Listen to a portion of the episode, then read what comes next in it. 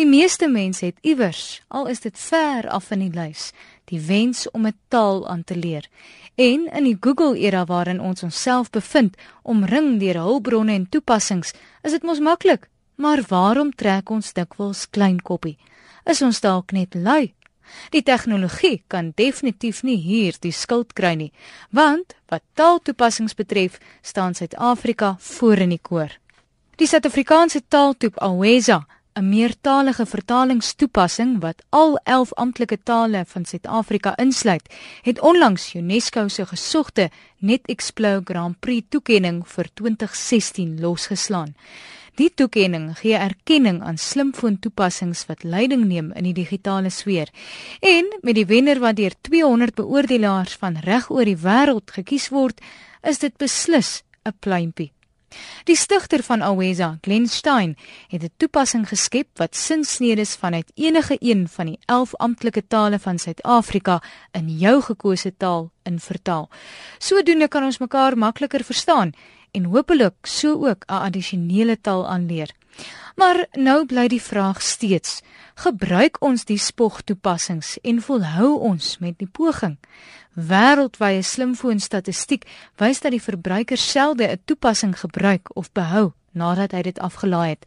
Slegs 25% van miljoene toepassings wat elke dag afgelaai word, word selfs eenmaal gebruik.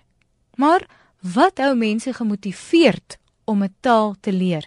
En is dit moontlik om 'n taal op jou eie te bemeester? Professor Anne Marie Bekes van die departement linguistiek van die Universiteit van Johannesburg verduidelik wat mense motiveer om 'n taal aan te leer.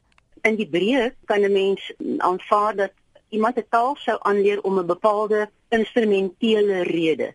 Jy het skielik vreeslike mooi charmante Franse man wat jy ontmoet het en jy wil nou 'n bietjie meer Frans leer sodat jy jou verhouding met hom dalk uh, lekker in stand kan hou. Of jy uh, stel belang sê net maar in die Zulu kultuur hulle is jou medelandgenote jy wil meer van hulle kultuur leer en taal en kultuur is mos maar ingebed en baie dikwels word dit dan ook uh, op 'n meer geïntegreerde manier uh, benader as 'n as 'n motivering om om die kultuur en die mense wat die taal gebruik te leer ken. Professor baie mense sê hulle wil graag 'n taal aanleer maar hulle bly nie gemotiveerd genoeg nie of gee tou op so halfpad. Wat kan die rede hiervoor wees en hoe kan mens gemotiveerd bly?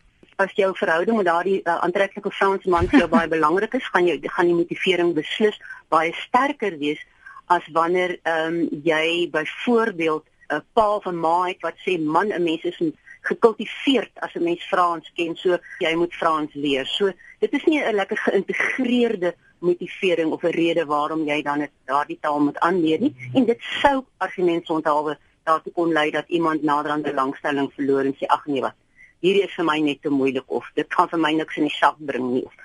So dit gaan ook raai interaksie wat dit makliker maak om 'n taal aan te leer.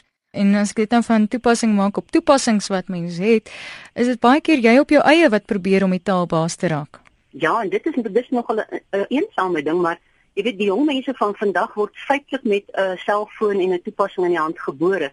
So uh as hulle weer 'n toepassing um, in uh, nader kennis kan maak met 'n taal en 'n kultuur, dan dink ek sal hulle dit makliker doen as op 'n meer konvensionele manier. Dit is my raaiskoot. Met die inligting in gedagte, wat motiveer jou om 'n taal aan te leer? As jy net een taal of twee tale kan praat, skaar jy jou by die grootste meerderheid van die wêreld se bevolking. Jy is deel van 'n uitgesoekte groep as jy in drie tale kan klets. Slegs 13% van die wêreld se bevolking kan hierop roem. Vier tale 3% van die wêreld wat saam met jou praat en as jy 5 of meer tale magtig is, kan jy jouself werklik op die skouer klop.